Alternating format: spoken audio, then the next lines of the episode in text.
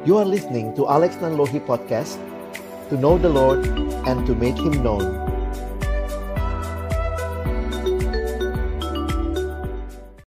Mari berdoa sebelum kita membaca merenungkan firman-Nya. Kami datang dalam ucapan syukur kepadamu Tuhan. Terima kasih kalau Tuhan boleh memberikan kesempatan kami bersama-sama bersekutu memuji, memuliakan namamu, mendengarkan sharing, menaikkan doa kami kepadamu. Dan tiba waktunya bagi kami untuk membuka firman-Mu ya Tuhan. Kami mohon bukalah juga hati kami, Jadikanlah hati kami seperti tanah yang baik, supaya ketika benih firman-Mu ditaburkan itu boleh sungguh-sungguh berakar, bertumbuh, dan juga berbuah nyata di dalam kehidupan kami. Berkati baik hambamu yang menyampaikan dan semua kami yang mendengar, Tuhan tolonglah kami, agar kami bukan hanya jadi pendengar-pendengar firman yang setia, tapi mampukan dengan kuasa, dengan pertolongan dari rohmu yang kudus, kami dimampukan menjadi pelaku-pelaku firman-Mu di dalam kehidupan kami, di dalam masa muda kami. Bersabdalah ya Tuhan, kami umat-Mu sedia mendengarnya. Di dalam satu nama yang kudus dan berkuasa, nama Tuhan kami Yesus Kristus, kami menyerahkan pemberitaan firman-Mu. Amin. Shalom, selamat sore Teman-teman yang dikasihi dalam Tuhan Yesus Kristus, bersyukur buat kesempatan ini di dalam perjalanan kita. Hari ini kita masuk di dalam belajar tentang seorang hakim yang secara singkat sekali diceritakan, tetapi kita rindu juga boleh belajar dari kehidupannya. Hari ini kita akan melihat tentang Otniel. Ini adalah uh, hakim yang pertama, ya. Nah, teman-teman, dalam ayat yang singkat ini saya juga ingin mengajak kita untuk bersama-sama melihat ya apa yang dinyatakan dalam firman Tuhan kepada kita. Mari teman-teman yang pertama-tama kita akan membaca bagian firman Tuhan yang mendasari perenungan kita. Kita akan melihat di dalam Hakim-hakim pasal 3 ayat 7 sampai dengan ayat yang ke-11. Hakim-hakim pasal yang ketiga ayat 7 sampai dengan ayat yang ke-11. Saya akan bacakan bagi kita dalam ayat yang ke-7 sampai ayat 11. Orang Israel melakukan apa yang jahat di mata Tuhan, mereka melupakan Tuhan, Allah mereka, dan beribadah kepada para Baal dan para Asyera. Lalu bangkitlah murka Tuhan terhadap orang Israel, sehingga ia menjual mereka kepada Kusyan Risyataim, Raja Aram Mesopotamia. Dan orang Israel menjadi takluk kepada Kusyan Risyataim delapan tahun lamanya. Lalu berserulah orang Israel kepada Tuhan, maka Tuhan membangkitkan seorang penyelamat bagi orang Israel, yakni Otniel, anak Kenas, adik Kaleb. Roh Tuhan hinggap menghinggapi dia dan ia menghakimi orang Israel. Ia maju berperang lalu Tuhan menyerahkan Kusyan Risyataim Raja Aram ke dalam tangannya sehingga ia mengalahkan Kusyan Risyataim. Lalu amanlah negeri itu 40 tahun lamanya kemudian matilah Otniel anak Kenas. Sedemikian jauh pembacaan firman Tuhan, berbahagialah kita yang bukan hanya membacanya, tetapi juga merenungkannya, melakukannya dalam hidup kita, dan bahkan membagikannya.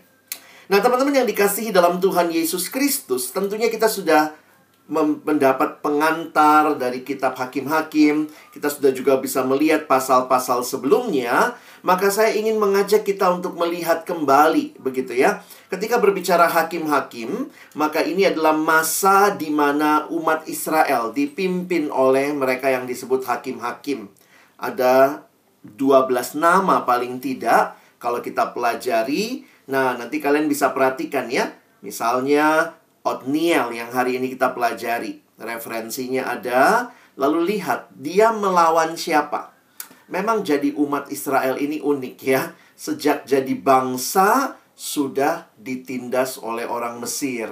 Lalu kemudian masuk ke tanah Kanaan di tanah Kanaan sudah ada penduduk di, di sekitarnya sehingga kalau kita melihat bahwa setelah mereka menaklukkan dibagi-bagi tanahnya di zaman Yosua, mereka tetap harus berhadapan dengan penduduk asli di daerah sekitar Kanaan dan kemudian orang-orang ini yang sering kali me, apa ya menjajah mereka, mengopres mereka, menindas mereka.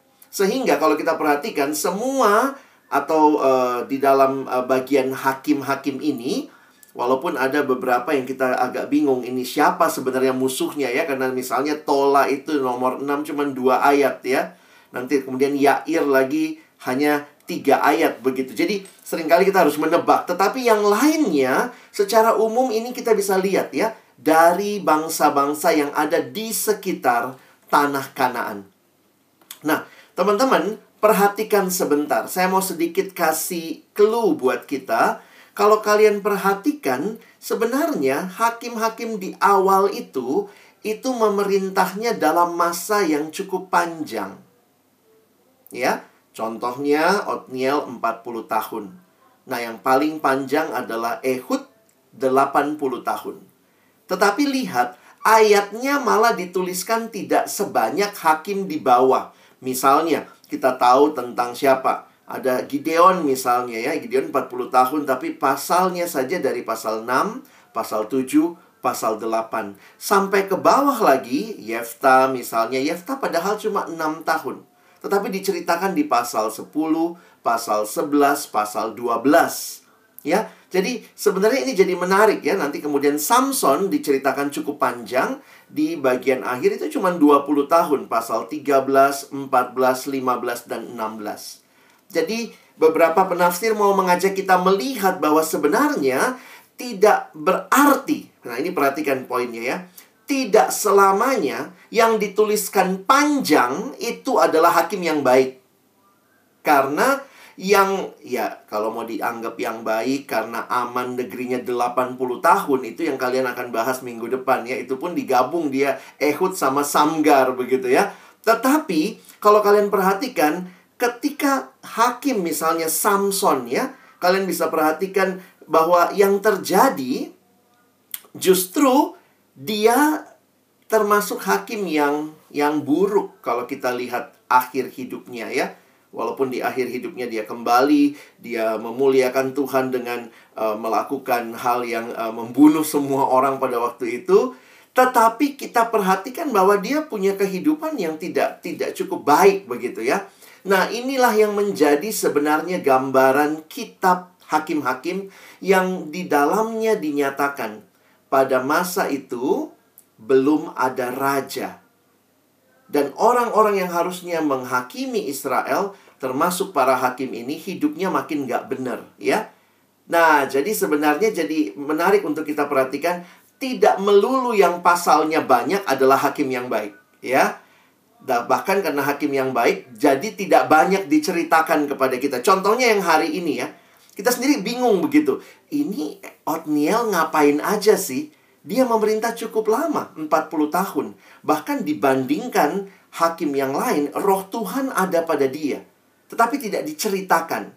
Sementara ada hakim-hakim yang diceritakan cukup detail hidupnya, tapi justru ketika dia misalnya ya kayak uh, Samson ya bahasa Inggrisnya Samson, Indonesia bilangnya Simpson ya. Nah, nah jadi teman-teman nanti perhatikan bahwa uh, ini pola mengerti kitab raja-raja. Jadi belajar membacanya, perhatikan berapa tahun masa damainya. Karena itu juga menjadi satu petunjuk bahwa Tuhan berkenan. Karena pada waktu itu kalau Tuhan tidak berkenan, maka didatangkanlah masa yang tidak damai itu. Ya, Oke, ya kita belajar tentang Otniel sebentar. Siapa sih Otniel? Maka kalau kita pelajari Otniel, namanya berarti Allah adalah kekuasaan. Ia adalah hakim pertama Israel. Teman-teman, masa hakim-hakim ini memang masa perantara ya. Kalau kita lihat sebelumnya, umat Israel itu dipimpin oleh Musa.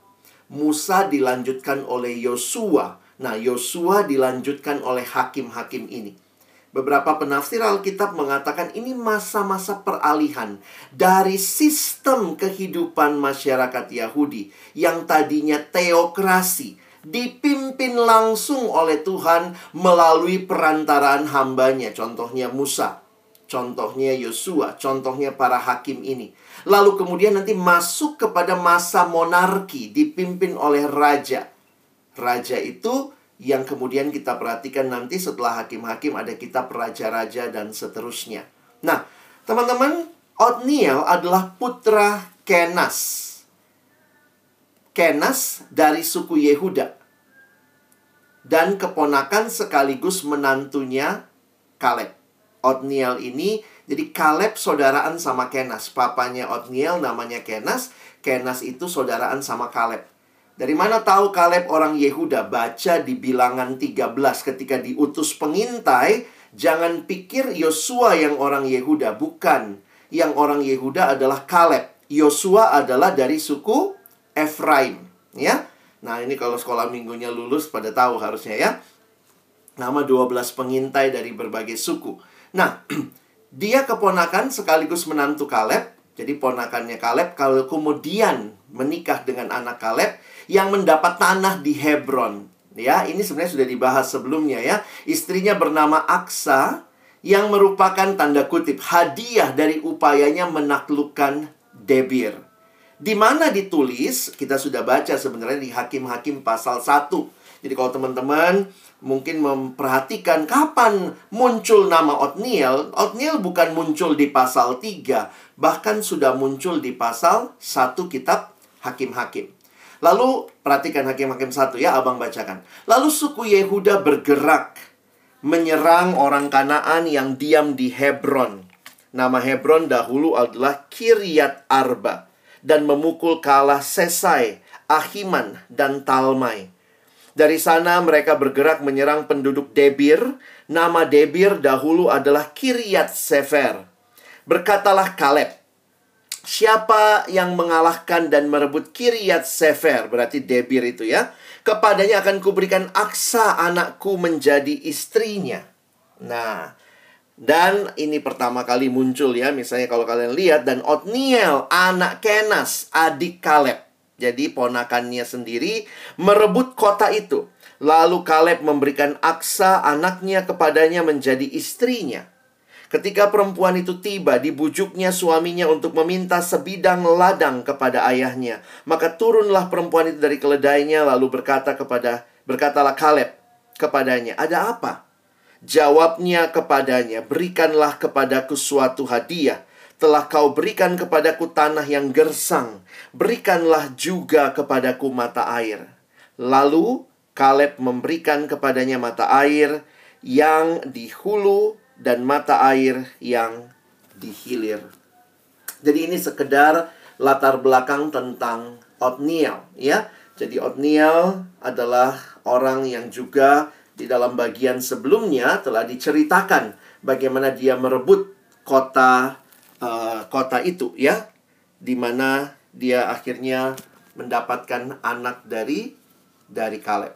Nah, teman-teman yang dikasihi Tuhan, mulai dari pasal ketiga ini, kalau nanti kita pelajari, sebenarnya ini agak ngulang ya. Nanti coba perhatikan polanya. Ada satu pola yang kalau saya perhatikan adalah umat Allah berdosa, lalu kemudian ada penindas, lalu terjadi pertobatan, lalu kemudian terjadi kelepasan, lalu kemudian ada damai. Wah, itu siklusnya ya. Kalian akan melihat siklus ini terulang di semua hakim atau hampir semua hakim karena beberapa hakim catatannya sangat singkat. Jadi mereka berdosa, umat berdosa, lalu kemudian dikirimlah penindas, oppression dari tadi ya bangsa-bangsa di sekitarnya Kalian tinggal lihat tabelnya, Abang bisa kasih uh, ininya ya tadi ya, uh, slide-nya. Lalu terjadi pertobatan, wah nangis-nangis gitu ya, duduk dalam debu. Terjadi kelepasan, deliverance. Lalu kemudian masa damai. Nah, masa damainya tadi yang saya juga pikirkan. Teman-teman coba perhatikan masa damainya ya.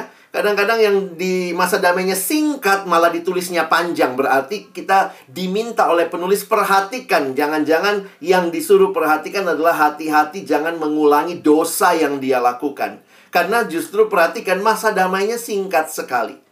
Ya. Nah, jadi teman-teman sekali lagi mulai dari sin, oppression, repentance, deliverance, and peace again. Ya, nah saya ambil uh, sebuah siklus ini, saya pinjam penjelasannya pendeta Timothy Keller, yang waktu dia menjelaskannya dia bagi tujuh hal ya. Jadi dia uh, pecah lagi ya. Nah ini tujuh hal itu. Mulai dengan the people rebel, orang-orang itu berontak. Lalu ada Tuhan marah. Lalu kemudian terjadi penindasan, oppression by enemies. Lalu kemudian mereka, the people cry out.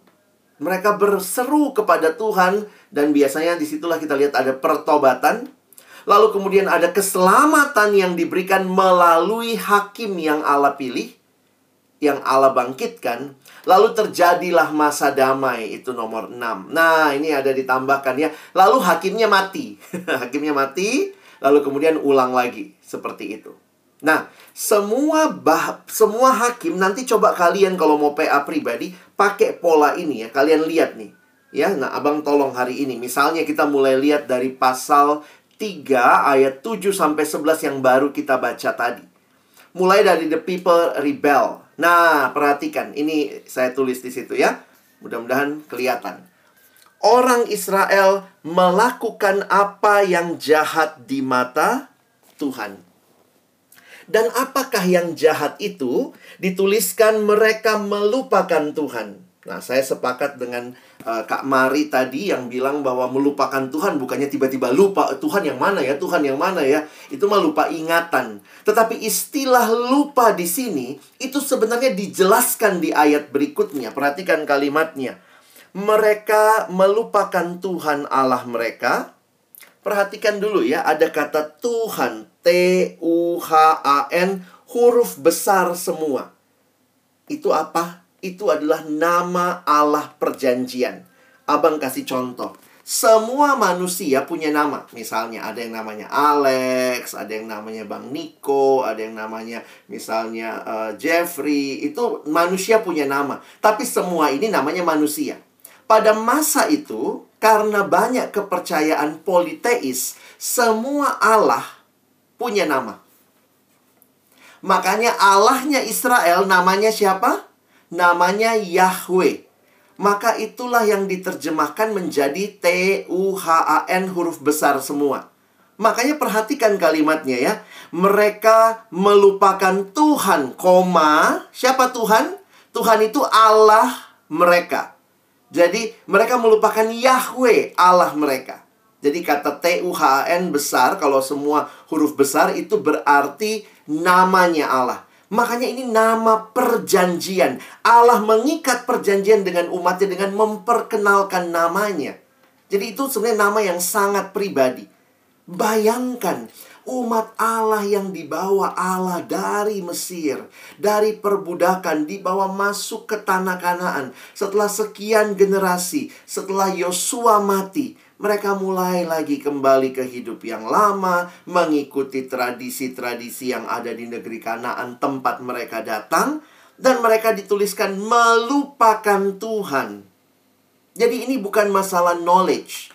Karena mungkin atau pastinya mereka tahu siapa Tuhan. Siapa Tuhan? Itulah Allah mereka. Tidak ada Allah lain. Tapi perhatikan yang terjadi melupakan Tuhan dituliskan dan beribadah kepada Allah-Allah lain yaitu Allah yang namanya Baal. Baal itu ternyata bukan cuma nama satu Allah. Makanya perhatikan kalimatnya para Baal. Dewa-dewa Kanaan itu biasa disebut Baal. Jadi ini para Baal dan para Asyera. Nah, teman-teman kita udah jarang ya bawa Alkitab cetak ya. Tapi kalau kalian punya Alkitab cetak, Abang mau sedikit menjelaskan siapakah Baal, siapakah Asyera. Saya di kantor sering dibecandain, dipanggilnya Baal ya, Bang Alex gitu ya. Tapi saya bukan Baal ya. Perhatikan, saya buka di kamus, di kamus Alkitab di belakang ada keterangan Baal ya. Baal artinya tuan. Ya, Abang baca di Alkitab nih ya. Baal artinya tuan, kemudian gelar dewa-dewa. Jadi jamak penduduk asli tanah Kanaan yang ditentang para nabi Tuhan dalam Perjanjian Lama. Nah, perhatikan, ciri-ciri khasnya ialah menjamin kesuburan. Jadi Baal-Baal ini dewa kesuburan ya. Karena itu Baal sering kali turut disembah oleh orang Israel sendiri. Jadi ini sebenarnya dewa lokal. Masih ingat ya, mereka dikeluarkan dari Mesir, dibawa Tuhan ke Kanaan. Pada waktu itu sudah ada penduduk Kanaan. Penduduk Kanaan ini menyembah dewa Baal. Dan itu adalah dewa kesuburan. Lalu siapa Asyera? Nah, lihat lagi. Ada di kamus Alkitab lagi ya. Siapa Asyera?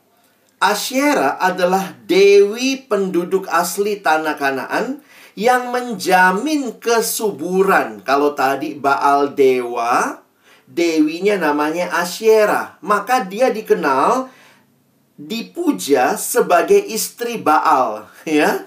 Jadi dia istri Baal. Lambangnya ialah pohon yang rimbun atau suatu tiang berhala yang oleh para nabi Tuhan ditentang keras. Nah, jadi teman-teman coba perhatikan ya umat Israel waktu masuk ke tanah Kanaan, eh, mereka melupakan Tuhan.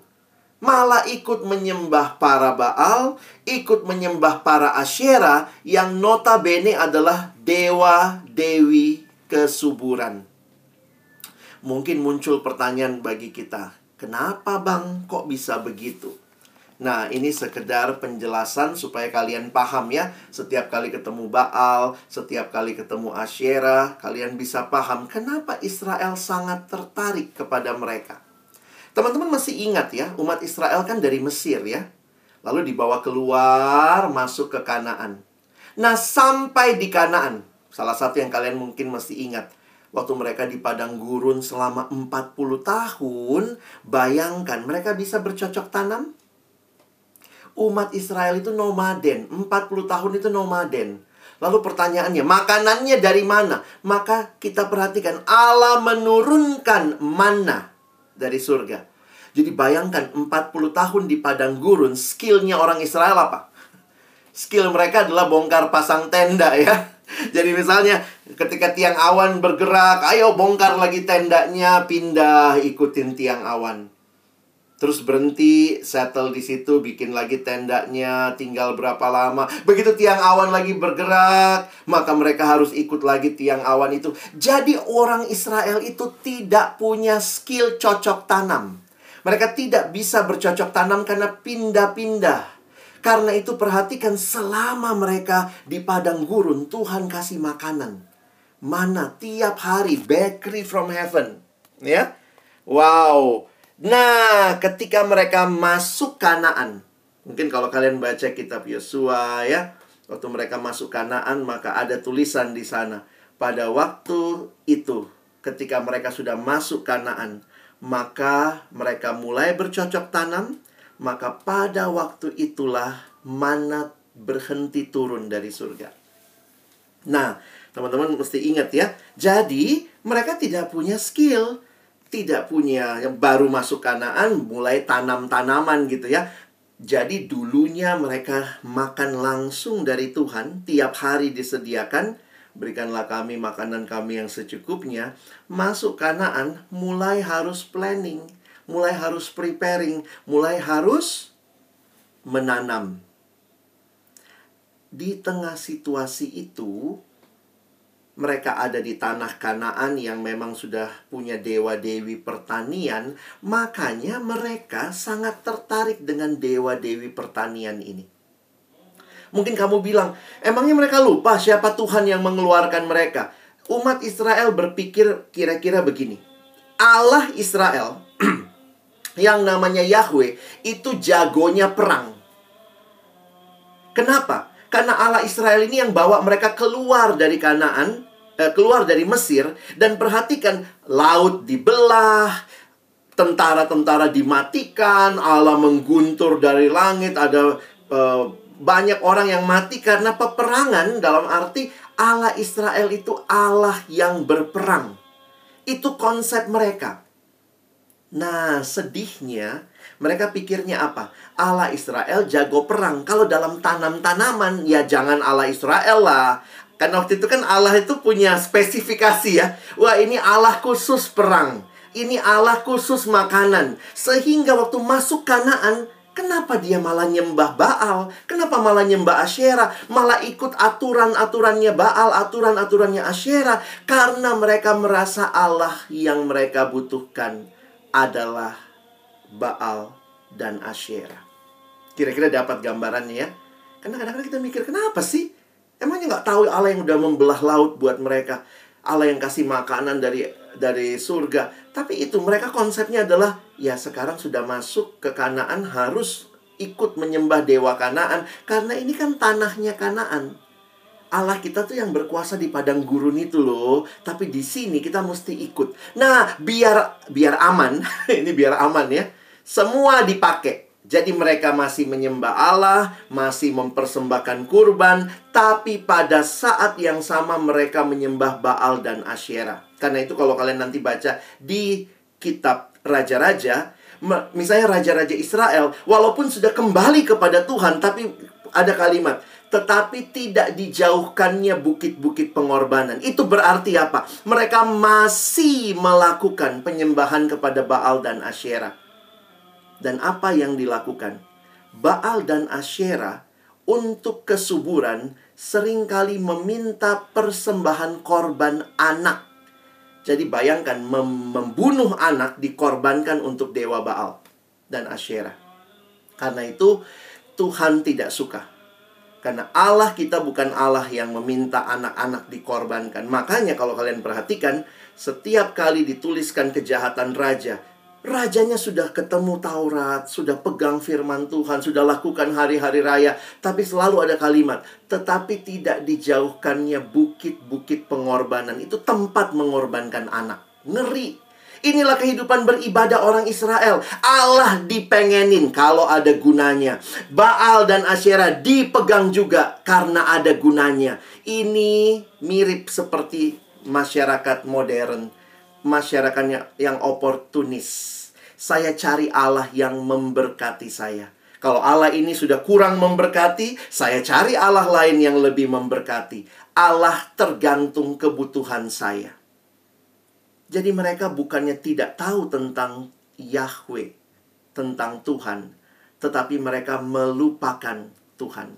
Itu yang Tuhan lihat, pemberontakan yang sangat nyata mereka menduakan Tuhan.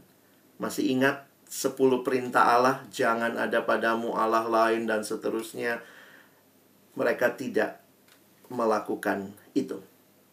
Karena itu ayat atau nomor 2. God is angry. Ya. Nah, lalu bangkitlah murka Tuhan Teman-teman, istilah murka Tuhan ini menjadi istilah yang mengerikan karena murka Tuhan berarti Tuhan menentang atau melawan. Siapa yang dia lawan? Umatnya sendiri. Memang istilah yang digunakan ini, perhatikan di bagian selanjutnya dikatakan sehingga ia, Tuhan, menjual mereka. Nanti sedikit abang bahas di akhir ya. Hah? Tuhan menjual umatnya? Serem amat ya. Tapi itulah bahasa-bahasa simbolik ya. Teman-teman mesti ingat uh, Bapak Reformasi salah satunya Bapak John Calvin dia bilang banyak istilah Alkitab itu Allah berbicara kepada kita dalam bahasa baby. Bahasa anak kecil ya. Contoh misalnya ya, kayak kita mau jelaskan uh, ke anak kecil, makan makan mamam ya, am am ya, am am ya. Jadi sebenarnya kan kita ngomongnya begitu bukan berarti kita juga cuma ngertinya am am enggak ya. Nah, Allah berbicara kepada kita dalam bahasa yang kita mengerti. Ya. Bahasa apa yang kita mengerti ya? Bahasa kita manusia. Misalnya, Allah itu adalah roh, berarti dia nggak punya mata dong. Dia nggak punya telinga, dia nggak punya tangan. Tetapi sering kali di dalam Alkitab dikatakan tangan Tuhan tidak kurang panjang. Itu bahasa personifikasi menolong kita menghayati. Dalam bahasa kita, apa yang Allah lakukan. Nah, ini kalimatnya juga. Sehingga ia, sehingga Allah menjual mereka. Tapi proses menjualnya mungkin kalian tanya, "Wih, apa Tuhan transaksi sama si Kusyan gitu ya?" Ya, menjualnya ya mereka kalah perang. Makanya mereka kayak terjual ya. Tuhan mengizinkan mereka kalah perang. Atau mungkin pakai bahasa yang lebih serem lagi. Tuhan ngebiarin. Lu sih bandel gitu ya. Kamu menduakan aku sehingga kayak kayak Tuhan punya barang nih ya. Ini Israel itu punya Tuhan. Lalu kemudian Tuhan jual, silahkan. Ada yang mau beli, begitu ya. Nah itu semua gambaran yang jangan sampai kita terlalu jauh menafsirkan. Karena sedang dibicarakan bahasa yang dimengerti oleh pembaca. Ya. Nah, siapakah Kusyan Rishyataim? Raja Aram Mesopotamia. Nah, waktu itu ada koalisi ya antara Aram dan Mesopotamia. Kalau kalian senang belajar sejarah, coba lihat itu ya.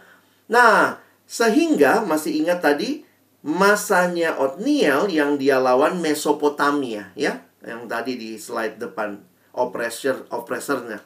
Nah, lalu terjadilah dan orang Israel menjadi takluk kepada Kusyan Rishyataim delapan tahun lamanya. Sedih teman-teman ya. 8 tahun mereka takluk. Apa artinya takluk? Ya berarti mereka harus nampaknya membayar upeti mungkin atau dijadikan pekerja paksa sehingga di tanah itu mereka tidak mendapat apa yang Allah janjikan karena kesalahan mereka sendiri. Israel menjadi takluk. Nah, kalau sudah begini baru nangis-nangis ya people cry out repentance. Perhatikan Inilah yang ditulis. Ini ayatnya semua abang urutin ya. Ayat yang ke-9a. Lalu berserulah dalam bahasa Inggris misalnya they cry out. Mereka berteriak, menangis kepada Tuhan. Nah, kepada siapa? Kepada T-U-H-A-N besar ya. Dan apa yang terjadi? Nah, ini siklusnya selalu begitu. Dosa, Tuhan marah, ada yang ngalahin mereka, lalu mereka nangis, berteriak sama Tuhan, lalu Tuhan berikan keselamatan melalui hakim yang Tuhan pilih. Maka Tuhan membangkitkan seorang penyelamat bagi orang Israel, yakni Otniel, anak Kenas, anak Kaleb. Kita tidak tahu persis proses pemilihannya seperti apa.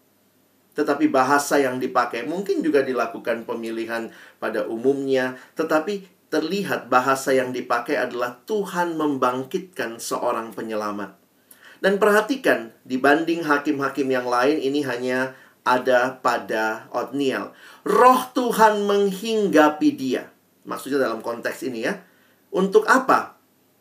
Dia dihinggapi roh Tuhan dan ia menghakimi orang Israel. Jangan berpikir hakim itu kayak kita selalu bayangkan hakim itu cuman di meja pegang palu. Oke, benar, salah. Hakim pada waktu itu salah satu bagiannya adalah perang. Jadi lebih mirip seperti jenderal juga ya. Makanya perhatikan ia maju berperang, lalu Tuhan menyerahkan Kusyan Risyataim. Lucu ya, kalau kita baca ini, ini jadi satu hal yang menarik. Tadi Tuhan menjual kepada Kusyan. Sekarang Tuhan menyerahkan Kusyan, Raja Aram, ke dalam tangan dari Otniel. Sehingga ia mengalahkan Kusyan Risyataim. Teman-teman ini cara membaca kita harus bisa jeli untuk melihat bagaimana keselamatan yang dari Tuhan. Roh Kudus di perjanjian lama beda sama perjanjian baru. Di perjanjian lama Roh Kudus diberikan untuk tugas tertentu. Perhatikan. Roh Kudus diberikan untuk tugas tertentu. Tidak heran setelah orang itu menyelesaikan tugasnya dengan Roh Kudus menghinggapi atau memenuhi dia, maka kemudian roh itu mundur. Itu yang terjadi pada Saul contohnya. Agak beda dengan perjanjian baru di perjanjian baru Roh Kudus diberikan tinggal diam karena Yesus berkata, "Kalau aku pergi kepada Bapa akan ku minta dia mengirimkan rohnya diam di dalam kamu." Jadi kita lebih lebih ini ya, uh, lebih indah karena Roh Kudus itu diam di dalam kita. Sementara pada masa itu Roh Tuhan atau Roh Kudus hanya diberikan kepada orang tertentu untuk tugas tertentu. Ya. Nah, Itu yang kita perhatikan. Lalu apa yang terjadi biasanya sesudah ada ketenangan, nah itu masa peace. Amanlah negeri itu 40 tahun lamanya. Nah, teman-teman kadang karena saking singkatnya ayatnya ya, jadi kita kayak nggak bisa coba coba pelan-pelan diam sebentar kalian ngebayangin 40 tahun lamanya. Wow, bayangkan itu cukup panjang ya, 40 tahun. Tadi ditindas 8 tahun. Tapi sebagaimana yang kita lihat di semua hakim, maka apa yang terjadi? Kemudian matilah Otniel anak Kenas. Semua siklus hakim-hakim ini, silakan kalian lanjutkan sama semua hakim, itu selalu ditutup dengan kemudian matilah Otniel anak Kenas. Lalu siklusnya ngulang lagi. Umat lupa lagi. Jadi memang butuh hakim ya yang benar-benar bisa ingetin mereka terus begitu. Teman-teman, apa yang kita perhatikan? Satu sisi ini sejarah umat Allah. Tetapi jangan lupa Allah tetap Allah yang ada dan berkuasa atas segalanya. Makanya kalau kita perhatikan apa saja sih yang Tuhan kirimkan. Kalau kita lihat dari kalimat-kalimat di dalam ayat ini, perhatikan tadi ya. Lalu bangkitlah murka Tuhan sehingga ia menjual mereka. Loh, Tuhan yang menjual. Lalu kemudian lihat lagi ayat yang ke-9b. Maka Tuhan membangkitkan, Tuhan juga yang bangkitkan penyelamat. Harusnya kalau habis dijual udah ya. Say goodbye begitu ya. Bagi saya jadi ini menarik sekali. Lalu perhatikan, Tuhan juga yang memberikan rohnya menghinggapi Otniel. Karena itu ada satu buku yang saya baca, dia mengatakan Tuhan yang kirimkan God sends trouble. ya, karena mereka tadi sudah berdosa, maka Tuhan menjual mereka, berarti mereka ditaklukkan. God sends spiritual leader. Di sini saya melihat anugerah ya apa yang Tuhan tanda kutip dikatakan kirimkan padahal itu adalah konsekuensi dari dosa mereka tapi Tuhan tidak membiarkan teman-teman. Ingat baik-baik Tuhan mengasihi umatnya. Itu tidak bisa kita lupa. Betul umat telah berdosa. Mereka melupakan Tuhan. Tapi kalau memang mereka melupakan Tuhan dan Tuhan tidak peduli ya sudah habis trouble biarin aja jual aja. Tapi Tuhan membangkitkan. Karena umat adalah milik Tuhan. Ketika mereka berseru seperti janji Tuhan, aku mendengar dan menjawab mereka. Dan setelah spiritual leader, khusus untuk Otniel, Tuhan mengirimkan rohnya. Siklus ini, di dalamnya Tuhan tetap Allah yang kuasa. Melalui trouble, dia membangkitkan spiritual leader yang dia berikan rohnya diam. Supaya apa? Ini membawa pemulihan. Dan ini hasil akhirnya adalah pembaharuan rohani. Teman-teman ingat, ini bukan cuma masalah menang perang. Seperti kalian besok pagi lalu lihat misalnya MU menang kah atau mungkin apa klub uh, favoritmu menang kalah. Ini bukan cuma masalah skor. Tapi ingat, ketika mereka kembali kepada Tuhan, ingat sebelumnya mereka melupakan Tuhan. Karena itu ini adalah pembaharuan rohani. Nah, jadi ini jadi hal yang menarik untuk kita perhatikan dan ini jadi pertanyaan juga sebenarnya buat kita saat ini. Bagaimana kita melihat cintanya Tuhan sama pelayanan kita? Sama mahasiswa, sama siswa di Indonesia, di Jakarta, di daerah-daerah di mana kita dihadirkan, bagaimana kita bisa peka dan merindukan Tuhan, bangkitkan kembali. Ada pembaharuan rohani. Jadi, kalau ini yang kita rindukan, maka ini bukan sekadar kita melakukan rutinitas, teman-teman ya. Tapi jadilah orang-orang yang dipakai Tuhan di generasi ini untuk membawa pembaharuan rohani itu doa dan kerinduan saya. Di generasi ini Tuhan kembali bangkitkan pengurus-pengurus persekutuan, mahasiswa, pelayan-pelayan Tuhan, TPS-TPS, tim pembimbing siswa yang akan dipakai Tuhan membawa pemulihan, pembaharuan. Dan kiranya ini boleh terjadi lagi ya di dalam generasi kalian juga. Nah, teman-teman yang dikasihi Tuhan, beberapa orang mencoba melihat apa sih kesamaannya Otniel sama Kristus ya? Karena coba kalau kita membaca, kita tetap bisa melihat bagaimana penggenapannya di dalam Yesus ya. Ini yang biasa disebut sebagai tipologi.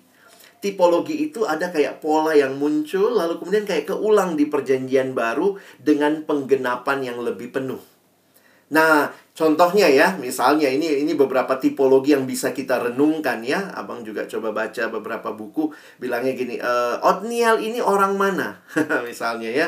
Dia anak Kenas, berarti dia adik Kaleb. Kalau Kalebnya orang Yehuda, berarti dia juga suku Yehuda. Masih ingat? Yesus pun dari suku Yehuda. Jadi kayak ada tipologinya ya. Jadi Otniel seperti gambaran Kristus yang belum penuh di perjanjian lama. Dan itu dipenuhkan, difulfill, di di apa ya? E, menjadi penuh di dalam Kristus di perjanjian baru. Terus coba lihat lagi. Kalau kalian tadi membaca ayat ini, saya nggak tahu nih, pada rajin baca Alkitab nggak di perjanjian baru. Roh Tuhan menghinggapi dia.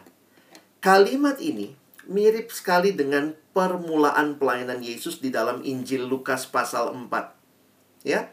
Ketika dia berdiri, lalu kemudian dia buka kitab Yesaya, lalu dia memulai membaca ini awal pelayanan Yesus. Dikatakan roh Tuhan ada padaku. Jadi ini menunjukkan bahwa ada tugas yang diberikan kepada dia.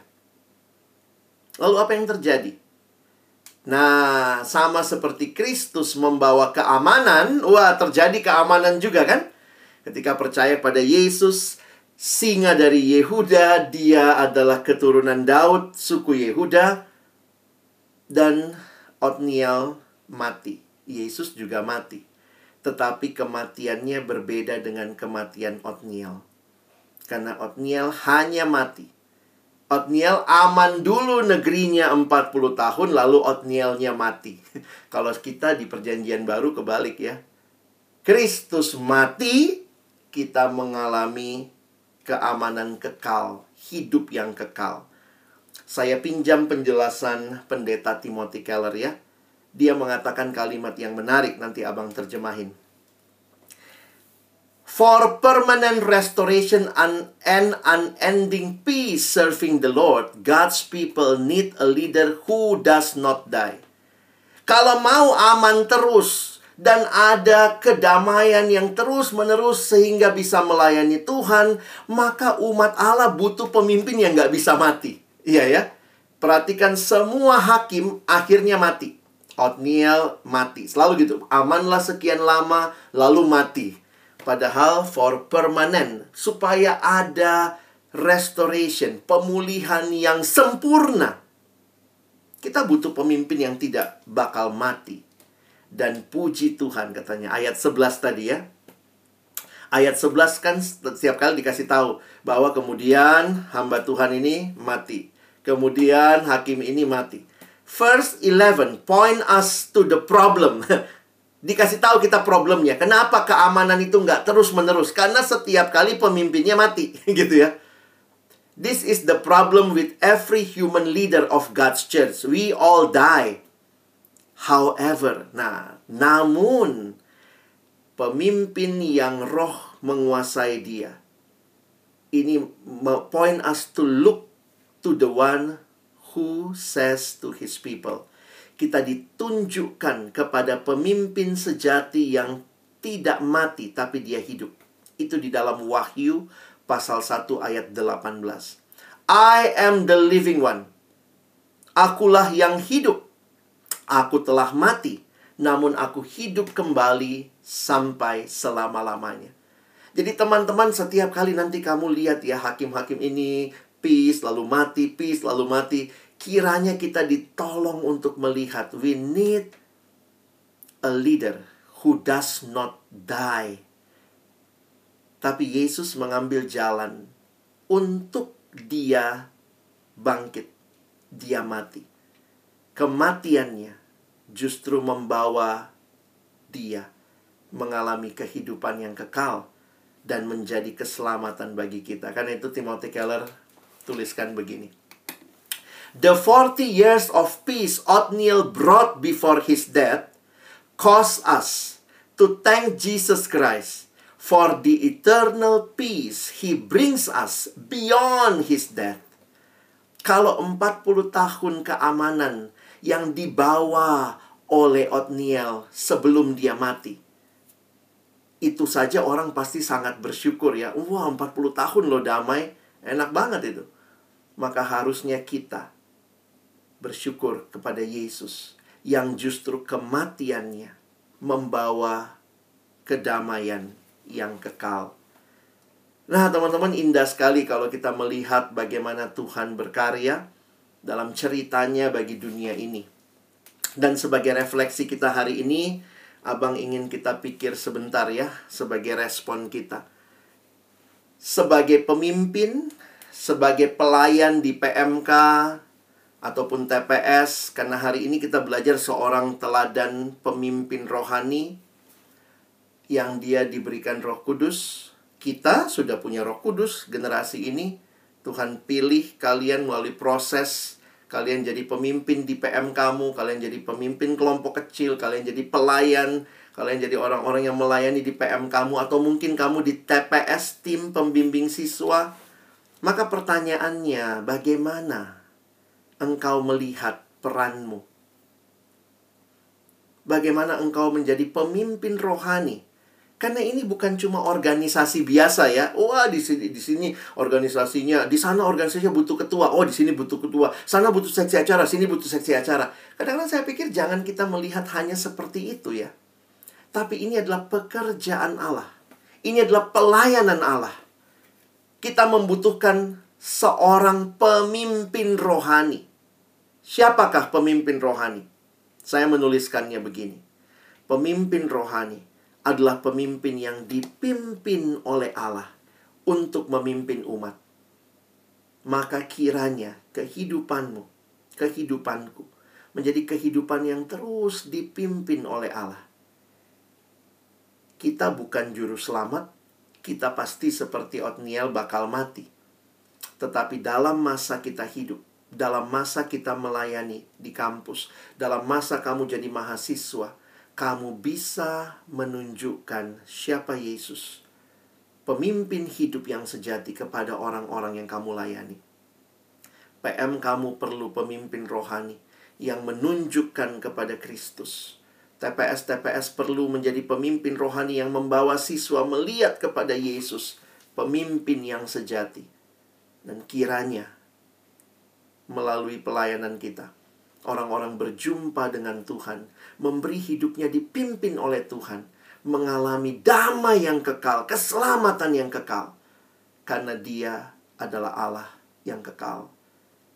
Pemimpin bisa berganti, pemimpin PMK nggak mungkin seumur hidup. Pemimpin bisa mati, tetapi pemimpin yang sejati Allah yang kekal, dia hidup selama-lamanya. Dia datang dalam Yesus Kristus anaknya yang bangkit dan hidup selama-lamanya maka kiranya setiap pemimpin rohani yang ada di generasi ini membawa setiap orang di generasi ini melihat kepada Kristus yang adalah Tuhan dan Juru Selamat. Saya rindu pelayanan siswa, pelayanan mahasiswa, bukan rutinitas, bukan organisasi biasa, tapi dipimpin oleh orang-orang yang hidupnya sedang dipimpin Allah, sehingga mereka tahu harus memimpin umatnya ke mana. Ini generasi yang senang dengan follower. Tapi jangan cuma senang banyak follower. Pertanyaannya, kamu mau ajak followermu ikut siapa? Kalau kamu dipimpin Tuhan, waktu ada orang lain yang ikut kamu, kamu sedang membawa mereka juga kiranya mengikut Kristus yang kamu ikuti. Kiranya Tuhan menolong kita untuk menjadi pelaku-pelaku firman-Nya. Sebagai penutup, Abang ingin kita secara pribadi coba ambil beberapa hal yang mungkin kalian bisa refleksikan hari ini dari apa yang kita pelajari Dan saya kasih waktu 5 menit ke depan. Teman-teman boleh tolong tuliskannya sebagai doamu. Kita bisa tulis di kolom chat. Kita tulisnya mungkin dengan kalimat ini bisa membantu ya. Setelah dengar firman ini, apa yang Tuhan tolong kamu sadari? Sehingga kamu bisa berdoa, ya Tuhan tolong aku, titik-titik-titik ya.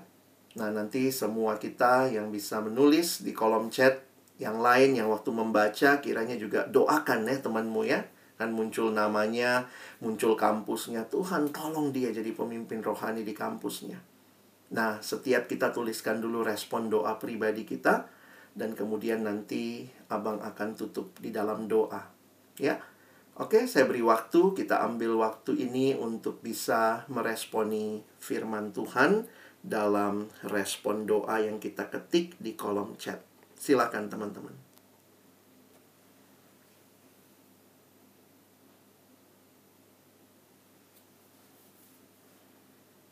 Baik, mari kita berdoa. Kami sungguh mengucap syukur kepada Tuhan yang telah menyatakan kepada kami melalui firman Tuhan pada hari ini bagaimana seharusnya kami hidup dan bagaimana seharusnya ya Tuhan kami memiliki seorang pemimpin yang membawa kedamaian kekal bagi kami. Kami belajar ya Tuhan dari kegagalan bangsa Israel di dalam melihat Tuhan, Tuhan semesta alam yang Allah di dalam seluruh aspek kehidupan. Dan kiranya Tuhan juga menolong kami di dalam kehidupan kami. Hmm. Seringkali ya Tuhan, di masa-masa sekarang ini juga kami masih menemukannya Tuhan. Ada begitu banyak orang bahkan mungkin masih menjadi pergumulan kami ya Tuhan. Menempatkan Tuhan sesuai dengan keinginan-keinginan kami. Menempatkan Tuhan seperti apa yang kami mau. Hmm. Dan sering kali kami melupakan Tuhan yang ses sesungguhnya menguasai hmm. seluruh aspek kehidupan kami. Tuhan, kami juga mengucap syukur di dalam kegagalan-kegagalan kami. Tuhan menyatakan anugerah. Tuhan mengingat kami dan tidak membiarkan kami. Di dalam sejarah kami melihat Tuhan membangkitkan pemimpin hmm. Otniel, Tuhan mengirim Roh Kudus untuk memimpin Otniel, memimpin umatmu. Dan di dalam Kristus penggenapan itu semua ya Tuhan. Kami bahkan dipimpin oleh Roh Kudus. Hmm. Kiranya Tuhan menolong kami agar kami saat ini ya Tuhan di dalam seluruh pergumulan kami, kami terus Tuhan dapat menjadi pemimpin-pemimpin yang dipimpin, dikuasai oleh Roh Kudus sehingga sanggup ya Tuhan menolong generasi ini, siswa, mahasiswa ya Tuhan. Kami dapat menjadi pemimpin-pemimpin rohani hmm. untuk membawa banyak orang yang di dalam pergumulan, ya bahkan melupakan Tuhan hmm. untuk membawa mereka kepada pemimpin sejati yang membawa kedamaian kekal kepada kami, hmm. yaitu kepada Kristus. Kami bersyukur untuk Bible study pada hari ini. Kami bersyukur untuk Bang Alex yang telah mengeksposisi kepada kami dan membawa perenungan-perenungan yang dalam kepada kami. Kiranya ya Tuhan, firman Tuhan pada hari ini menolong kami ya Tuhan untuk merefleksikan kerinduan-kerinduan kami yang terdalam di hadapan Tuhan. Hmm. Seperti yang telah diutarakan di dalam kolom chat, kiranya ya Tuhan, pakailah kami sebagai pemimpin-pemimpin, pengurus, pelayan, di mana pun Tuhan menempatkan kami saat ini, untuk membawa orang, banyak siswa, mahasiswa ya Tuhan, kepada pemimpin hmm. sejati yang membawa kedamaian kekal kepada Kristus. Terima kasih ya Tuhan. Dalam nama Yesus kami berdoa. Amin. Amin. Terima kasih Bang Niko. Saya terima kasih Bang Niko. Saya kembalikan kepada Mari.